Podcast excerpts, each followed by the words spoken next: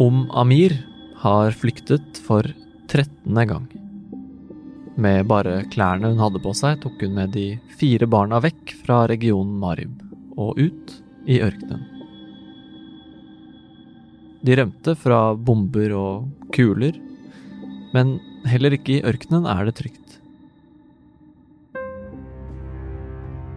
Hun forteller nettavisen Middle East Eye at mens hun lagde frokost av møkkete vann og mel, var det et prosjektil som eksploderte bare ti meter unna teltet hun satt i. Hun er en av over tre millioner mennesker som er på flukt i Jemen. Et land som har vært i krig i syv år, og som FN har kalt verdens verste humanitære krise. Men nå står et slag om området om Amir rømte fra. Og det kan bli avgjørende for forhandlingene om fred. Du hører på Forklart. Jeg heter David Bekoni. I dag er det torsdag 16. desember.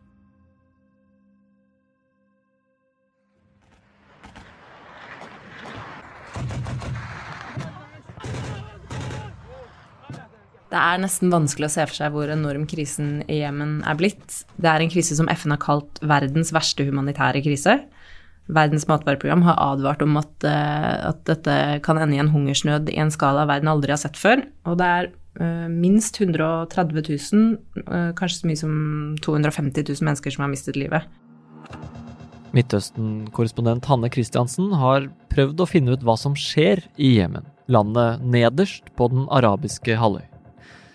Pga. konflikten kommer det ikke mye informasjon ut derfra. Men det kommer noe.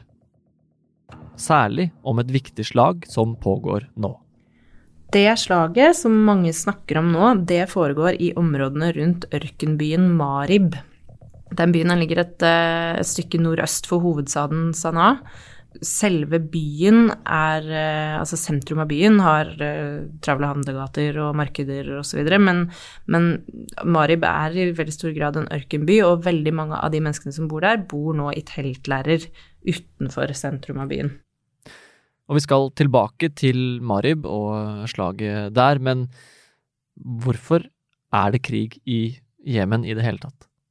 Krigen i Jemen som vi snakker om i dag, er eh, et lappeteppe av konflikter og frontlinjer som har eh, røtter veldig langt tilbake i tid. Men i store trekk så handler det om et skille som deler landet i to, mellom nord og sør, og som igjen gjenspeiler det skillet som definerer veldig mange av de store konfliktene i Midtøsten, nemlig skillet mellom sjiamuslimer og sunnimuslimer. Ja, og hvordan blir det skillet eh, synlig i krisen i Jemen?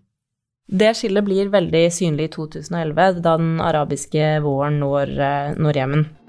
Diktatoren som satt på den tiden, eh, han var sjiamuslim og hadde styrt landet i rundt 30 år, over 30 år. Og det var veldig mange som var misfornøyde med den jobben han gjorde. Så folket gikk til opprør og kastet diktatoren. Men det mange sjiamuslimer ikke hadde sett for seg, var at han skulle bli erstattet av en eh, sunnimuslim. Eh, og ikke bare en sunnimuslim, men en sunnimuslim med støtte fra Saudi-Arabia og USA. Og den sunnimuslimen heter Abrabo Mansour Hadi, og har vært president i Jemen siden 2011. Og ham er det mange sjiamuslimer som er veldig misfornøyde med.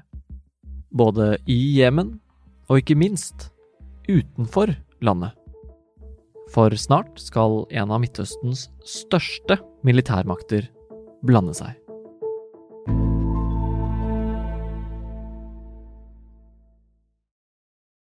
Hanne, etter den arabiske våren i 2011 og en ny president i Hadi, så har vi kommet til det punktet der man kan si at krigen i Jemen egentlig begynner, nemlig 2014. Hva er det som skjer da? I 2014 så rykker den såkalte Houthi-bevegelsen inn i hovedstaden Sana. Houthiene de, de hører til i Nord-Jemen og representerer den sjiamuslimske befolkningen. Og de eh, hadde lenge vært eh, i opposisjon mot den tidligere presidenten, men, eh, men likte enda dårligere denne nye sunnimuslimske presidenten som kom til makten etter den arabiske våren. Så da, i 2014, så er det som skjer at houthiene rykker inn i hovedstaden og tar i løpet av noen måneder kontroll over byen og store deler av regionen rundt. Og Hadi-regjeringen, den internasjonalt anerkjente regjeringen, de drives på flukt eh, sørover til havnebyen Aden. Ja, og da er det plutselig en full borgerkrig.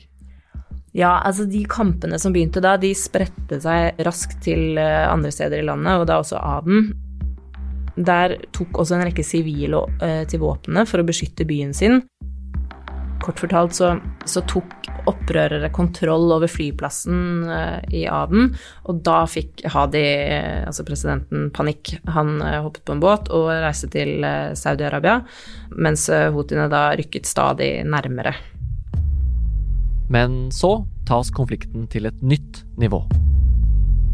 For det var flere enn Hadi som ble nervøse. I det store nabolandet Saudi-Arabia satt det noen som fulgte nøye med på hva Houthi-bevegelsen gjorde. Og rett før houthiene klarer å ta havnebyen Aden, begynner bombene å falle fra fly med grønne flagg på. Saudi-Arabia sine flagg. For de leder en militær koalisjon som går til angrep. For Jemens naboland, eh, Saudi-Arabia, så er dette som utspiller seg i 2014-2015, et eh, mareritt. Det som skjer, er at Hadi-regjeringen ber om hjelp fra Saudi-Arabia, og de svarer med å gå inn i krigen som leder av en koalisjon av hovedsakelig sunnimuslimske land. Men koalisjonen hadde også støtte fra uh, USA og Storbritannia og Frankrike. Og det ble egentlig startskuddet for en eh, rekke veldig intense luftangrep, som også gikk fryktelig hardt utover eh, Jemens sivilbefolkning. Eh, og endte eh, i den runden med at, eh, at Hadi-regjeringen med koalisjonen i ryggen eh, fikk tatt tilbake kontrollen over Aden, Aden i sommeren 2015. Da. Hvorfor blander Saudi-Arabia og andre arabiske land seg i den konflikten her? Ja, som, som, sagt så handler dette om den store konflikten i Midtøsten mellom eh, da Saudi-Arabia, som, eh, som, ønsker å være liksom, ledestjernen for den sunnimuslimske verden, og Iran, som ønsker å lede verdens sjiamuslimer. Eh, det er faktisk ikke helt eh, klart hvor mye innflytelse Iran har over houthiene i Jemen, men for Saudi-Arabia så eh, spiller ikke det så stor rolle, fordi eh, for dem så er et scenario der nabolandet deres er styrt av en sjiamuslimsk minoritet, som da svarer til Iran, eh, helt eksistensielt. Så det er, det er årsaken til at Saudi-Arabia blander seg. For Saudi-Arabia og Iran er og har vært bitre fiender lenge. På mange måter handler det også om sunnier i Saudi-Arabia mot sjiamuslimer i Iran. Og når de to har begynt å blande seg inn i krigen i Jemen, så kan man ikke bare kalle det en borgerkrig lenger. Nei, i kjernen så kan man jo snakke om en borgerkrig, men det som har utviklet seg i Jemen, er en såkalt stedfortrederkrig. Altså en krig mellom eh, En krig som på papiret kjempes mellom to parter, men der hver av partene er støttet av andre større makter. Da i dette tilfellet erkerivalene Saudi-Arabia og Iran. Um, og det er egentlig interessene og eh, den skiftende maktbalansen uh, mellom de to stormaktene som i stor grad avgjør hva som skjer i Jemen. Ja, og hvordan ser man den innblandingen? Det ser man helt konkret ved at eh, hvert land sender eh, eller forsyner sine allierte med våpen og eh, bidrar til å da opprettholde den fastlåste militære situasjonen som, som nå har pågått i, i syv år. Og alt det, sammen med en blokade som hindrer en del våpen, men også forsyninger å komme inn, har bidratt til å skape den fortvilte situasjonen som millioner av mennesker i Jemen har vært i i mange år nå.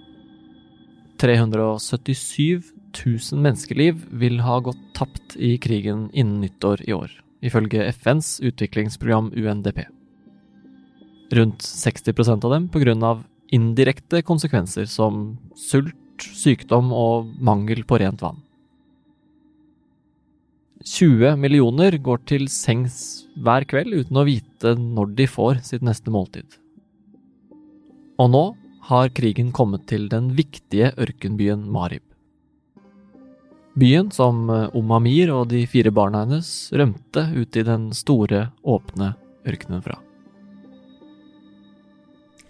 Marib er strategisk viktig av flere grunner. Um, kanskje først og fremst det at uh, det i dag er den internasjonalt anerkjente regjeringens siste store skanse. Uh, sånn at dersom uh, houthiene klarer å ta den, så, så, har de mye sterkere forhandlingskort enn en regjeringen.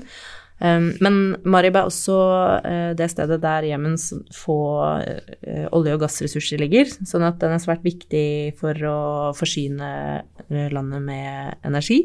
Og så ligger den også strategisk plassert da bl.a. langs en viktig motorvei til Saudi-Arabia. Mm. Og hvorfor er dette slaget så viktig, da? En umiddelbar grunn til at det er viktig for Putin å, å, vinne dette slaget, er at de, de, trenger penger, altså de trenger inntektene fra disse ressursene. Men på litt lengre sikt så eh, vil eh, det å vinne Marib gi houthiene en veldig mye sterkere forhandlingsposisjon. Og det er blitt viktig nå fordi, eh, eh, eller særlig fordi eh, USA har fått en ny administrasjon og en president som har gjort det veldig klart at han vil ha slutt på, på krigen i Jemen, og, og, som også vil ha USA inn i atomavtalen med Iran igjen. Og Det endrer maktbalansen i regionen, og det endrer på interessene til Iran og Saudi-Arabia. Og Houthiene eh, tolker dette dit hen at eh, det, det, vil øke sannsynligheten for nye forhandlinger. Og da vil de som sagt sitte med best mulig forhandlingskort. Så hva kan slaget om Marib ha å si? Den av partene i krigen som har kontroll over Marib, idet man setter seg ved forhandlingsbordet, de, de vil ha et stort fortrinn. Mm, det er mange som sier at eh, dersom houthiene tar Marib, så er det så vil det være liksom dødsstøtet for uh, Hadi-regjeringen. Uh, den sier på sin side at den er fast bestemt på å ikke miste kontroll over byen, fordi at det ville vært slutten på den politiske prosessen og på fredsprosessen. Men, uh, men i realiteten så vil, så vil, det gi houthiene veldig mye mer makt da, i, i, eventuelle fremtidige forhandlinger. Um, og det er nok også det de prøver å gjøre nå, liksom presse Hadi-regjeringen til forhandlingsbordet ved å Eh, ved å ta kontroll da, over Marib og også over eh, denne veldig viktige havnebyen som heter Hodeida. Og så helt til slutt, da, Hanne. Hvordan kan utfallet i Marib nå påvirke folket i Jemen?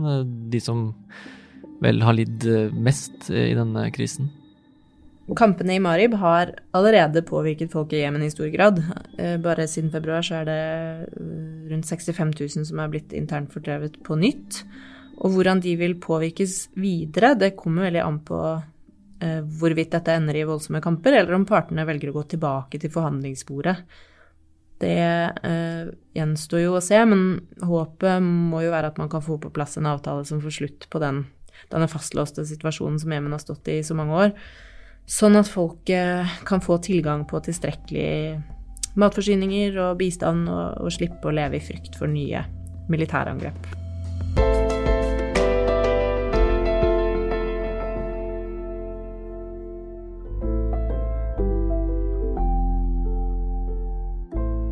Du hørte vår Midtøsten-korrespondent Hanne Christiansen fortelle om situasjonen i Jemen. Episoden var laget av produsent Anne Lindholm og meg, David Vekoni. Resten av Forklart er Anders Weberg, Fride Nesten Nonstad, Marte Spurkland, Synne Søhol og Thea Wold Lyster. Lyden du hørte, var fra nyhetsbyrået AP.